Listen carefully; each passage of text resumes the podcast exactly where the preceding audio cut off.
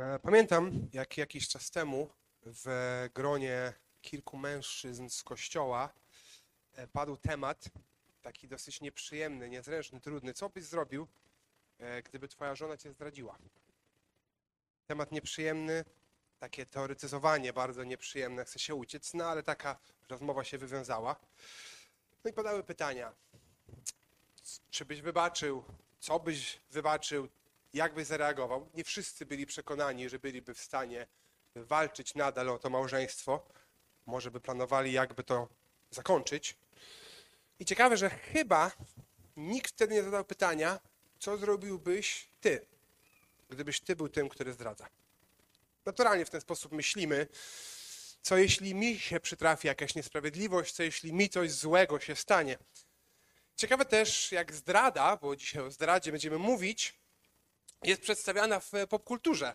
Ostatnio co zauważyłem w jakimś filmie, ale myślę, że tak jest często. Gdy się pojawia zdrada, to ona zawsze jest jakoś tak uzasadniona, albo druga strona też zdradziła i jakoś tam w końcu możemy sobie to pogodzić w naszej głowie i ci bohaterowie się spotykają.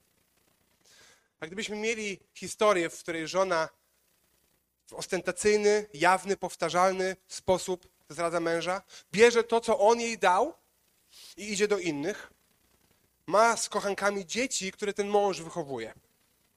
Wręcz wyprowadza się i żyje w domu innego. Czy wtedy byśmy nadal kibicowali jemu, żeby o to zabiegał, czy może zastanawiali się, jak on z tego ma się wymiksować? A co jest, jeśli to my jesteśmy tą notorycznie zdradzającą żoną? Tym notorycznie niewiernym małżonkiem. Co jeśli to ja zdradziłem i nie ma na to żadnego wyjaśnienia? Co jeśli to ja zdradziłem, nie da się nijak tego wyważyć albo przeczekać? Stoję brudny czy brudna, patrzę w oczy współmałżonka, którego zdradziłem, zdradziłam i nie mam nic na swoje usprawiedliwienie. Omawiamy dzisiaj księgę, e, całą księgę Biblii, tak jak w, to naszej, w naszej serii robimy. Jest to pierwszy spośród dwunastu tak zwanych proroków mniejszych. Nazywani są mniejszymi, bo to przesłanie ich jest mniejsze niż Izajasza, Jeremiasza, Ezechiela i Daniela treścią, ale nie dlatego, że on jest mniej ważny albo, nie wiem, krócej głosili. Szczególnie to dzisiaj widzimy. I ci kolejni prorocy nie są poukładani po kolei, e, więc będziemy za każdym razem starali się złapać, gdzie jesteśmy w historii. A więc Izrael powstaje jako naród, bo Bóg ratuje rozrośniętą rodzinę potomków Abrahama, Izaaka i Jakuba z Egiptu. Ratuje i podtrzymuje obietnicę, czy to przymierze, które zawarł z ich praojcami. Oni mają być jego ludem, przez który on będzie błogosławił narody. I od początku tej relacji, mówiąc delikatnie, ta relacja jest wyboista. I jak trafiają już do ziemi, którą im dał, to, to wciąż się nie poprawia. I lud bardzo łatwo przyjmuje praktyki pogańskich ludów, które tam są. Dostaje króla, jest ok przez chwilę, ale nie za długo. I syn Dawida, Salomon, pozostawia po sobie taką sytuację, że królestwo jest podzielone. I oba, obie te części królestwa wypadają słabo, szczególnie północny Izrael, gdzie dzisiaj jesteśmy, często w tej księdze zwany Efraimem. Oba państwa odwracają się od Boga. I szybko na północy powstają różne świątynki jako alternatywa dla Jerozolimy, w której mają wielbić Boga. I kult Boga miesza się z kultem Baala. Jesteśmy 750 lat przed Chrystusem, prawie 200 lat po tym rozpadzie królestwa, królem na północy, o to jest taki, znalazłem, zespół graficzny, puszczam do was oczko, pomóżcie mi zrobić fajniejszą grafikę jakąś. Wczoraj wieczorem się zorientowałem, że mogłem to przewidzieć, ale widzimy u góry Ozeasz i chwilę po nim mamy uprowadzenie. 200 lat po podziale królestwa, królem na północy jest Jeroboam II i przyjdzie sąd. Najpierw północne królestwo, później południowe i Ozeasz jest ostatnim prorokiem na północy, który głosi przed Asyrią. Warto też przedstawić nieco tego Baala. Bardzo widocznym tematem, i tu już nie chciałem was męczyć jakimiś grafikami i slajdami, można poszukać sobie, bardzo widocznym tematem oskarżenia przeciwko Izraelowi w tej księdze, którą mamy, jest kult Baala. Baal to bóstwo Kanaanu, odpowiedzialne e, za plony, płodność ziemi, nazywany panem ziemi, panem deszczu, więc rolnicy i pasterze z Izraela chętnie gdzieś tam chwytają się tego. I nieraz mówi się o Baalach, odnosząc się do różnych miejsc jego kultu. Skojarzenia same nam się może pojawiają, nie będę ich może teraz wypowiadał. Albo różnych może bóstw, ale jest jeden konkretny Baal i konkretne praktyki, które są z nim związane. Składanie ofiar ze zwierząt, rytualne e, e, libacje alkoholowe, samookaleczenia, praktyki seksualne, które miały w jakiś sposób wzbudzić przychylność tego bożka, a nawet składanie ofiar z niemowląt. I Izraelici, jak wynika z treści tej księgi i nie tylko z treści tej księgi, w mniejszym lub większym stopniu brali udział we wszystkich tych praktykach. W tym samym momencie utrzymując, że szczerze wielbią Boga Jahwe. Omówimy sobie całą księgę, ale już teraz z lotu ptaka możemy sobie powiedzieć, o czym jest księga Ozeasza. Ona mówi o tym, że Bóg posługuje się małżeństwem Ozeasza, żeby pokazać swoją relację z Izraelem. Ich niewierność i jego doskonałą miłość, która objawia się przez ratunek i sąd. I księga Ozeasza tak naprawdę dzieli się na dwie części. Pierwsze trzy rozdziały to opis małżeństwa i rodziny Ozeasza, które są obrazem relacji Boga i jego ludu. I kolejne rozdziały od 4 do 14 to przemowy Ozeasza, które w bezpośredni lub pośredni sposób dotykają tematu niewierności i odkupienia. I my dzisiaj przeczytamy sobie i omówimy pierwsze trzy rozdziały, e, zaglądając troszeczkę do tych wątków, które się też pojawiają w drugiej części. I powiemy o trzech rzeczach, patrząc na te trzy rozdziały. Powiem o zdradzie, o ratunku przez sąd i o bezwarunkowej miłości. A więc otwórzmy rozdział pierwszy albo śledźmy tekst, który jest na slajdach. Słowo Pana, które do, doszło Ozeasza, syna Beeriego w czasach Uzjasza, Jotama, Achaza, Hiskiasza, tu mamy królów judzkich, i w czasach Jeroboama, Jeroboam, tak jak mówiłem, drugi, syna Joasa, króla izraelskiego. Więc od razu jesteśmy wpisani w jakiś konkretny moment historii. Początek poselstwa Pana przez Ozeasza. Pan rzekł do Ozeasza. Pan daje dziwne, trudne, trudne do zrozumienia polecenie Ozeaszowi. Mówi idź, weź sobie za żonę nierządnicę i miej z nią dzieci z nierządu, gdyż kraj przez nierząd stale odwraca się od Pana. I dla nas może jest to dziwne, ale Bóg ma prawo wybrać sobie taką formę, jaką chce, żeby pokazać to, co chce. I ta cała ich relacja służy jako obraz. Jako obraz, który pokazuje coś większego Izraelowi wtedy i nam dzisiaj. Ozeasz ma ożenić się z Gomer albo z Gomerą i od razu ma informację, że ona jest nierządnicą. I to niekoniecznie oznacza, że ona w tym momencie zajmuje się prostytucją, Raczej jest to zapewnienie, że będzie, że będzie go zdradzała, że będzie mu niewierna. I dzieci z nierządu to nie są dzieci, które już ona ma, ale dzieci, które ona będzie miała, będąc żoną Ozeasza, których on nie będzie ojcem. I Ozeasz bierze za żonę kobietę, która na pewno go będzie zdradzała, tak jak Bóg bierze swój lud, czy na swój lud Izrael, wiedząc, czym to się skończy.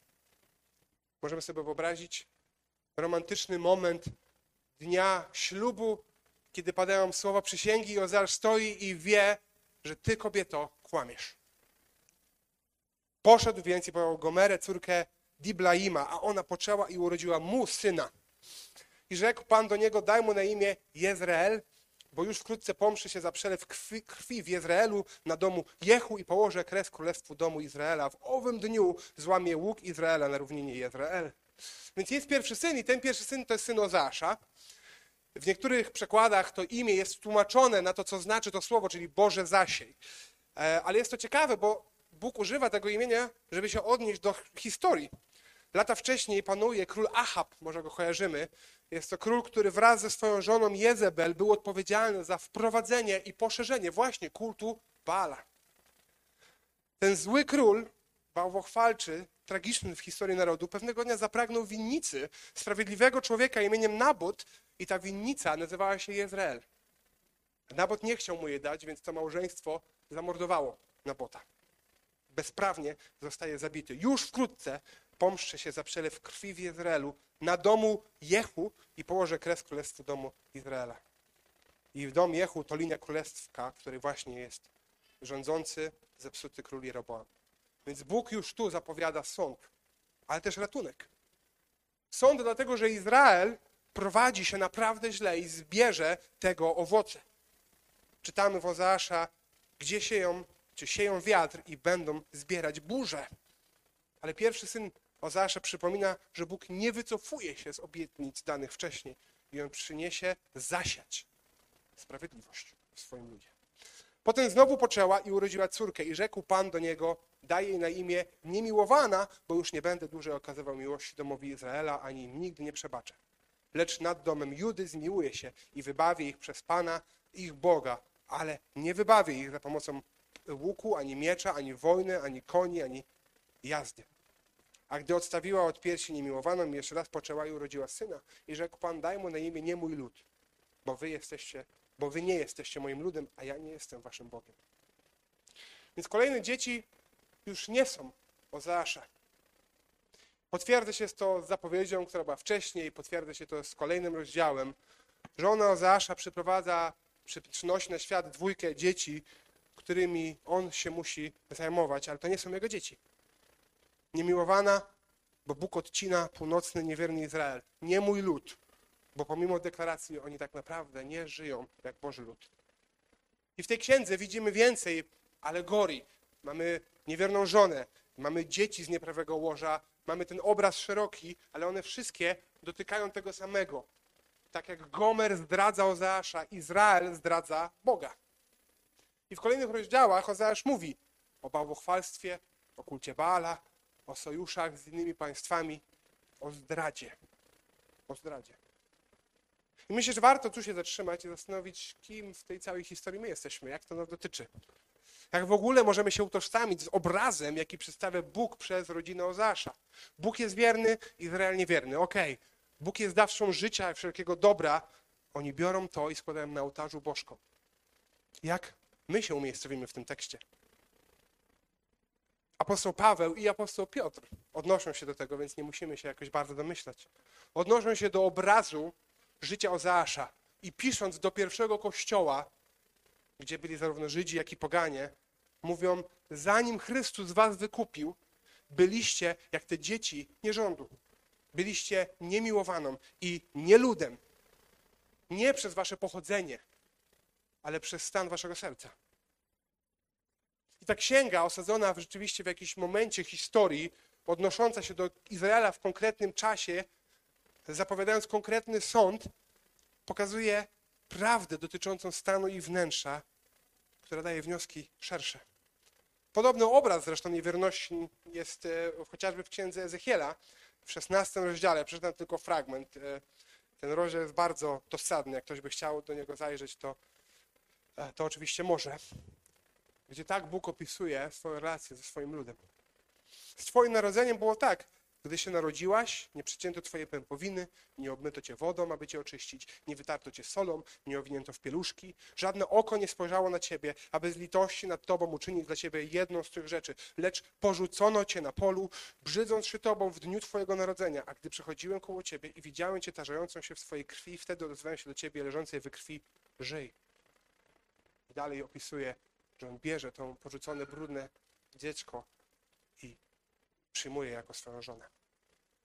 Ezechiel i Ozeasz posługują się tym dosadnym obrazem, żeby pokazać, że Izrael od początku był Bożym ludem tylko dlatego, że on tak zdecydował, a nie dlatego, że oni na to jakoś zasłużyli. I pomimo jego troski i opieki wciąż go zdradzali. I to nam dzisiaj mówi o dwóch rzeczach. Potrzebujemy, tak jak oni wtedy, Bożej inicjatywy, Bożej łaski.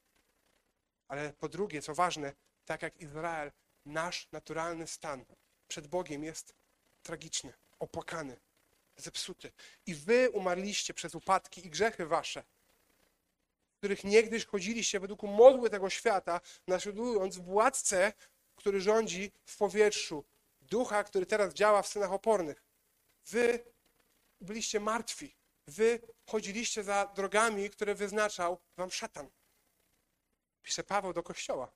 Wśród nich my wszyscy żyliśmy niegdyś w porządliwościach ciała naszego, ulegając woli ciała i zmysłów i byliśmy z natury warci gniewu, jak inni. Bardzo często y, mówimy o pięknym, nowotestamentowym obrazie małżeństwa Chrystusa i Kościoła. O relacji doskonałej, w której On wykupił, przyjął i uświęca swój Kościół. I ten obraz rzeczywiście jest niesamowity. Ale zatrzymajmy się, zastanówmy się, kto stoi przed Chrystusem. Kandydatka, która jest trochę poniżej jego oczekiwań, ktoś, kto trochę go zawiódł, osoba, która ma kiepską reputację.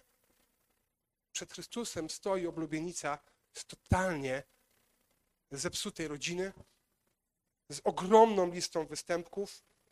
Już miała bardzo wielu partnerów. Zanim jeszcze poznała swojego oblubieńca, już go zdradza. I historycznie nasza sytuacja jest inna niż Izraela, oczywiście, ale ich postawa jest dla nas lekcją, jest ostrzeżeniem, ale ponad tym widzimy, że duchowo, żyjąc bez Boga, nie różnimy się wiele. Ewangelia nie zaczyna się od tego, że człowiek trochę sobie nie radzi, że w kilku sprawach zawiódł Boga, ale od tego, że jest wobec Niego jak niewierna małżonka. Jak ktoś, kto każdą dobrą rzecz, którą od Niego dostał, sprzeniewierza. A liczba synów Izraela będzie jak piasek morski, którego nie można ani zmierzyć, ani zliczyć. I będzie tak, że zamiast mówić do nich, wy nie jesteście moim ludem, będzie się do nich mówiło, synami Boga żywego jesteście. Potem zbiorą się razem synowie Judy i synowie Izraela i ustanowią nad sobą jedną głowę. I wyruszą z kraju, bo będzie wielki dzień Izraela. Mówcie do swoich braci ludu mój, a do swoich sióstr umiłowane. A więc zaraz po tym, jak pojawia się Gomer i jej zdrady, i wydaje się, jakby Bóg już przekreślił Izrael, od razu mamy nadzieję na to, że będzie ratunek. Poszerzenie tego wątku, który zapowiada pierwszy syn. I Bóg zaczyna obrazowo pokazywać, na czym ten ratunek będzie polegał. Bo ten ratunek przychodzi przez sąd. Czytamy od czwartego wersetu w drugim rozdziale. Oskarżajcie waszą matkę, oskarżajcie, gdyż ona nie jest moją żoną, a ja nie jestem jej mężem. Niech usunie znaki swojego nierządu ze swojego oblicza, a znaki swojego cudzołóstwa z pomiędzy swoich piersi.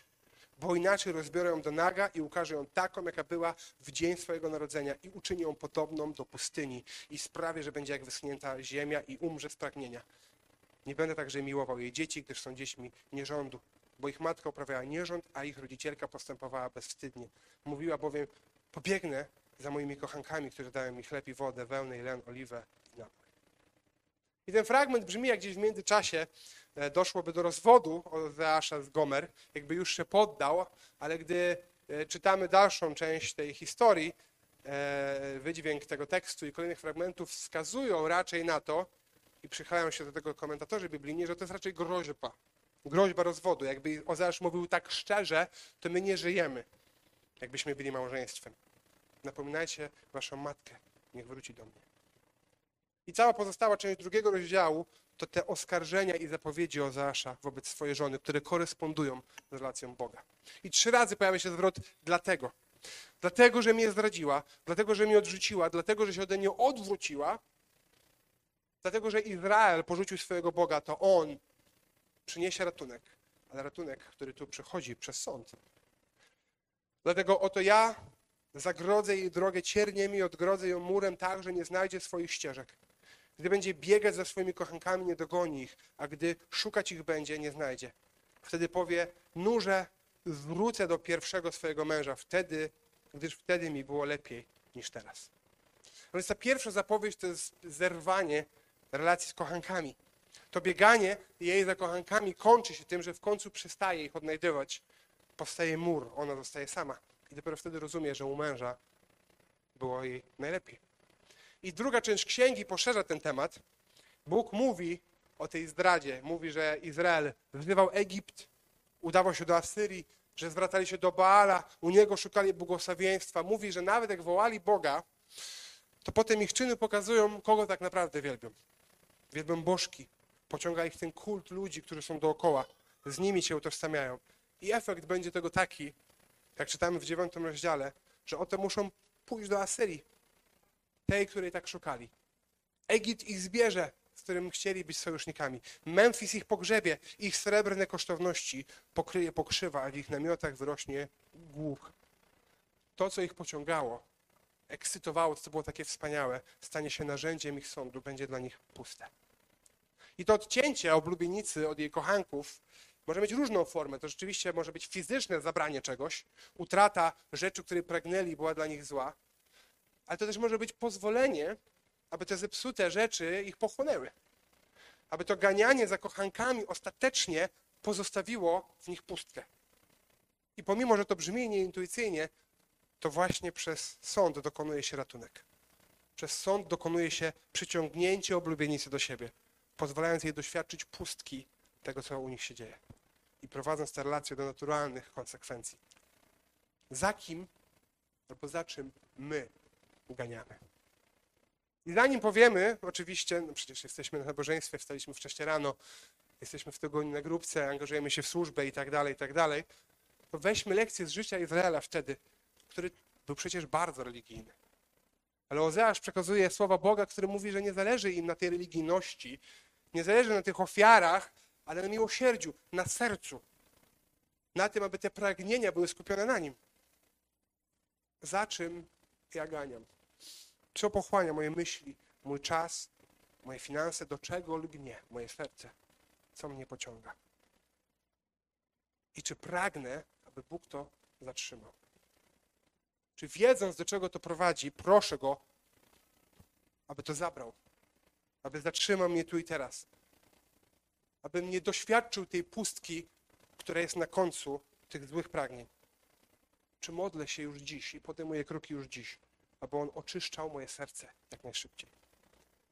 Więc pierwszy krok ratunku przez sąd, jaki Bóg ma dla swojego ludu, to pozostawienie pustki, która zwraca ich do Niego.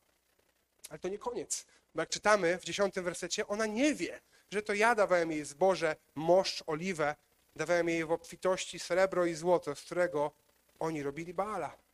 Oni czerpali z jego błogosławieństw i biorąc to, zanosili to na ofiarę bożkom. Jak żona, która wzięłaby pieniądze od męża, ubrała się w ładne ubrania, w piękne perfumy i wystrojona poszła do łóżka z kimś innym. Dlatego ja, przepraszam, dlatego zbiorę w swoim czasie z powrotem swoje zboże i swój mąż, moszcz e, w porze właściwej i pozbawię ją mojej wełny i mojego lnu, którym okazywała swą nagość. A teraz obnażę ją na oczach jej kochanków i nikt jej nie wyrwie z mojej ręki. I położę kres wszelkiemu jej weselu, jej świętom, jej nowym, jej sabatom i wszelkim jej uroczystościom i spustoszę jej winnice i jej figowe sady, o których mówiła. To jest zapłata, którą mi dali moi kochankowie. I zamienię je w leśną gęstwinę, w której się żywią zwierzęta polne. I pomszy się na niej za dni Baalów, którym, splamia- którym spalała ofiary i strojąc się w swoje obrączki i klejnoty, chodziła za swoimi kochankami, lecz o mnie zapomniała, mówi Pan. To drugie, dlatego to po prostu kara. To wyraz Bożej miłości, ale i sprawiedliwości. To dyscyplina, która ma przyprowadzić ten lud do Niego. To kara, która ma im pokazać skalę ich występków. Bóg zabiera wełnę, len, owoce ich upraw, błogosławieństwa ziemi, które mają od Niego i które biorą i składają w ofierze. Coś, co jest podstawą ich dobrej relacji z Baalem, kapłanami, z tym całym kultem. Bóg to zabierze i obnaży ich pustkę. I rzeczywiście ta kara realizuje się. W kolejnych rozdziałach Bóg przez Ozeasza mniej lub bardziej obrazowo wskazuje na nadchodzący sąd, na wojnę, zniszczenie Samarii Izraela, na śmierć królów i książąt, na bezpłodność, brak owoców ich pracy, brak perspektyw. I jedno pokolenie mija, tak naprawdę niecałe pewnie. I ta kara niewoli asyryjskiej na nich spada. I dzisiaj to dla nas brzmi znów odlegle, ale może być wciąż praktyczne, bo Boża miłość to też dyscyplina. Bo Boża miłość to też często konsekwencje naszych głupich decyzji. Bo Boża miłość to nieraz kara, która ma nas naprostować. I ten obraz zniszczonego małżeństwa Ozeasza z jednej strony pokazuje nam nasz stan przed Bogiem, ale z drugiej strony pokazuje, do czego prowadzi niewierność. Powinniśmy się tym realnie dzisiaj przejąć. Poważniej potraktować grzech w naszym życiu. Poważniej potraktować te pragnienia, które nas od Niego oddalają. Poważniej spojrzeć na tych kochanków, za którymi może biegamy. Nawet jak czujemy, że na tle tych Izraelitów, którzy składają ofiary Baalowi, wypadamy nieźle. Co ja dzisiaj zrobię z tą wiadomością? Co teraz, gdy rozmawiając o niewiernej żonie, gdy Bóg pokazuje te rzeczy w moim życiu, które mnie od Niego oddalają, co ja z nimi chcę zrobić? Ale, ale Księga Ozeasza nie jest przede wszystkim o tym, albo najpierw o tym, że my mamy wziąć się w garść, ale pokazuje coś wspanialszego. Pokazuje coś, co do tej zmiany w naszym życiu w ogóle może nas prowadzić. I gdy myślimy o tych zmianach, o tych ścieżkach, które Bóg chce u nas prostować, przede wszystkim myślmy o tym, co jest ich podstawą.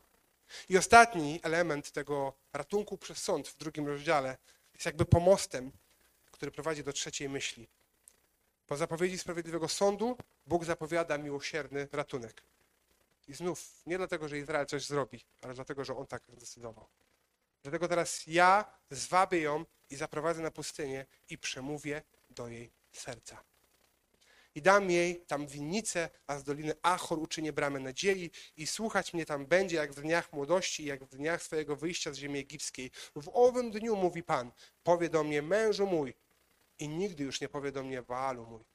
Wtedy usunę z jej ust imiona Baalów, także z imion, także ich imion nie będzie się już wspominać. W owym dniu ustanowię dla niej przymierze ze zwierzętami polnymi i ptactwem niebieskim i płazami ziemi, a łuk i miecz i wojnę zniosę z ziemi i sprawię, że będzie mieszkać bezpiecznie. I zaręczę cię ze sobą na wieki. Zaręczę cię z sobą na zasadzie sprawiedliwości i prawa, miłości i, i zmiłowania. I, zaręczę cię z sobą na zasadzie wierności i poznasz Pana. W owym dniu wysłucham, mówi Pan. Wysłucham nieba, a ono wysłucha ziemi, a ziemia wysłucha zboża, moszczu, oliwy, a te wysłuchają Izraela. I zasieję sobie lud w kraju i zmiłuję się nad niemiłowaną i powiem do nieludu, Ty jesteś moim ludem. A on powie, Boże mój. Przez sąd Bóg planuje ratunek. Planuje przyprowadzić swoją oblubienicę do siebie, z dala od tego, co ją pociągało. I co ciekawe, co ważne, planuje przemówić do jej serca. Odnowić w niej te relacje, zbudować w niej na nowo tę miłość, wyjść poza tylko te czyny, które są na zewnątrz, ale dojść do tego, co za nimi stoi. To tak na marginesie dobra lekcja e, dla wszystkich e, w małżeństwie i dla tych, któ- którzy do małżeństwa się przygotowują. Nie powie Boży lud, Baalu mój, tylko mężu mój. Bóg nie będzie już jednym z, jednym z bożków, jednym z panów, jedną z miłości, ale będzie największą miłością ich życia. Przestaną oglądać się za innymi, skoncentrują swoją miłość na nich, na nim. Bóg obiecuje odwrócenie tego zepsucia, które w Izraelu sięga dalej niż kilka pokoleń. Do samego początku podboju w Kanaanie, w ogóle do tego odnosi się ta dolina Achor. Do tego grzechu, który miał miejsce zaraz zaczęli podbijać Kanaan. Obiecuje odnowienie relacji błogosławieństwa. W tym tekście wybrzmiewa doskonałość podobna do tej, jaką mieli Adam i Ewa, nieskażeni grzechem.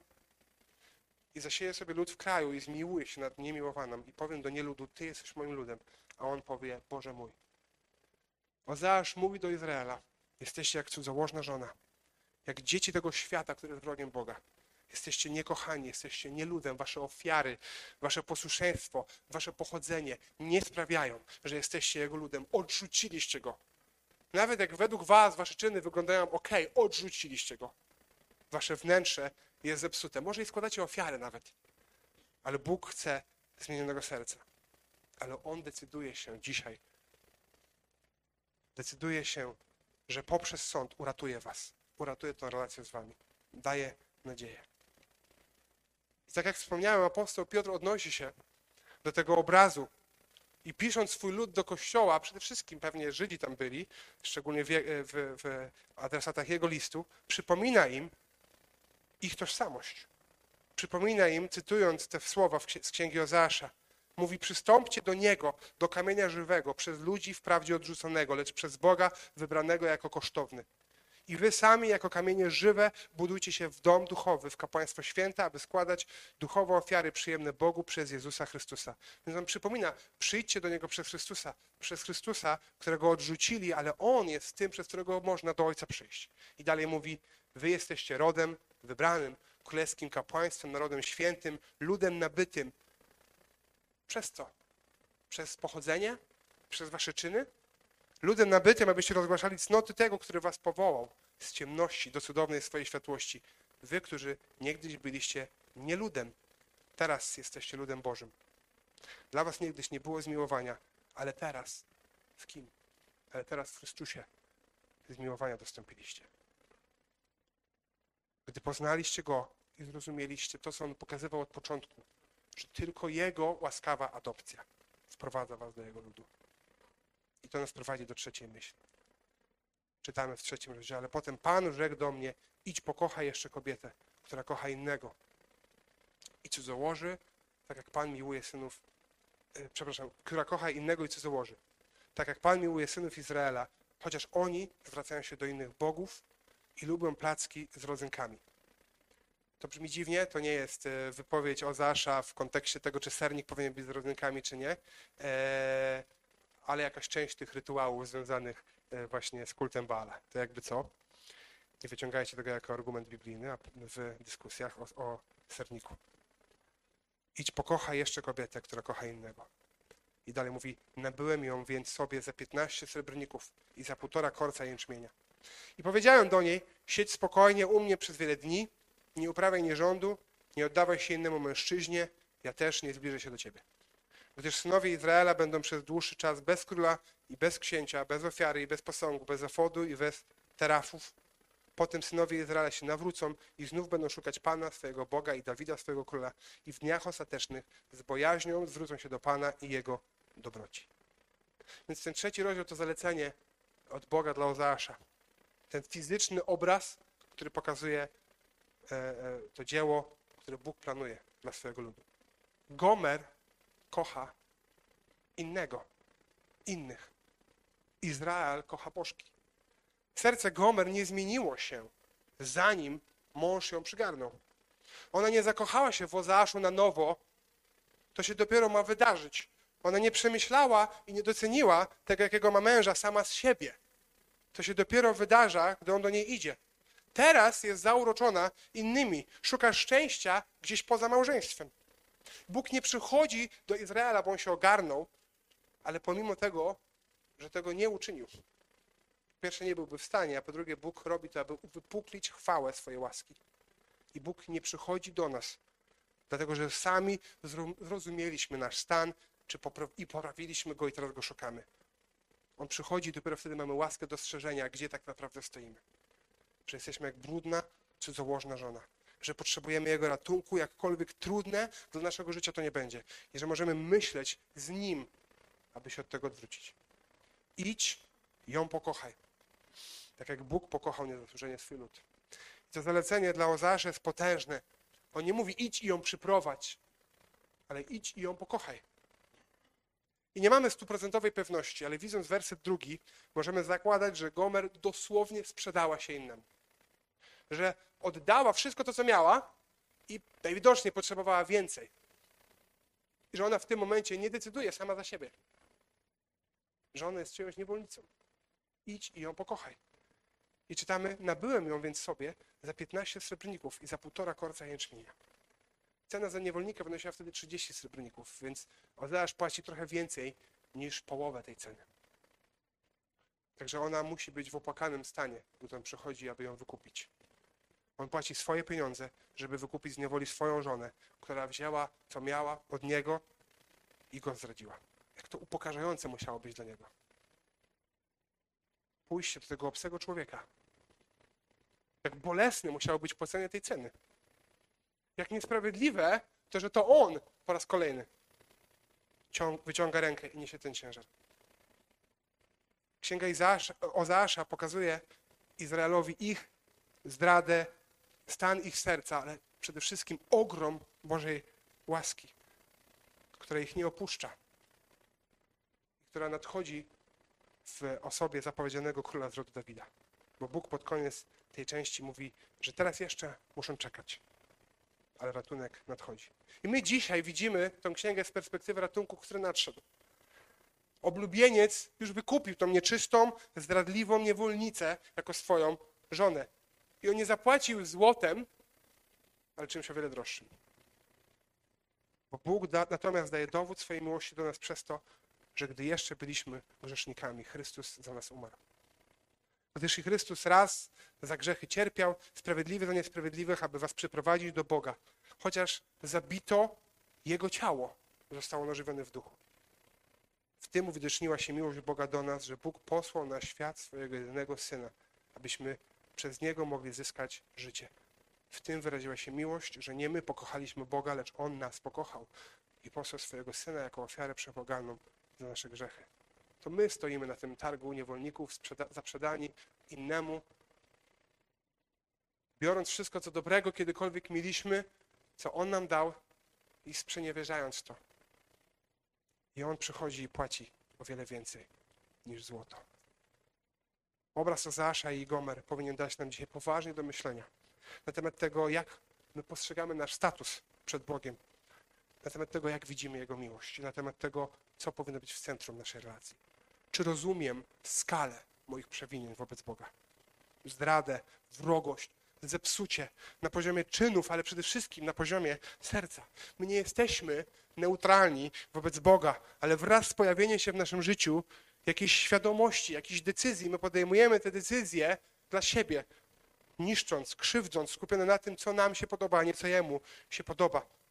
I nawet gdy nie dopuszczamy się tak zwanych poważnych grzechów, nawet gdy nie idziemy tak daleko jak Izrael, to życie w odrzuceniu Boga jest tym samym, co życie cudzołożnej, rozpustnej żony zniewolonej swoim grzechem. Czy widzę skalę moich przewinień, ale też czy widzę ogrom Jego niezasłużonej miłości.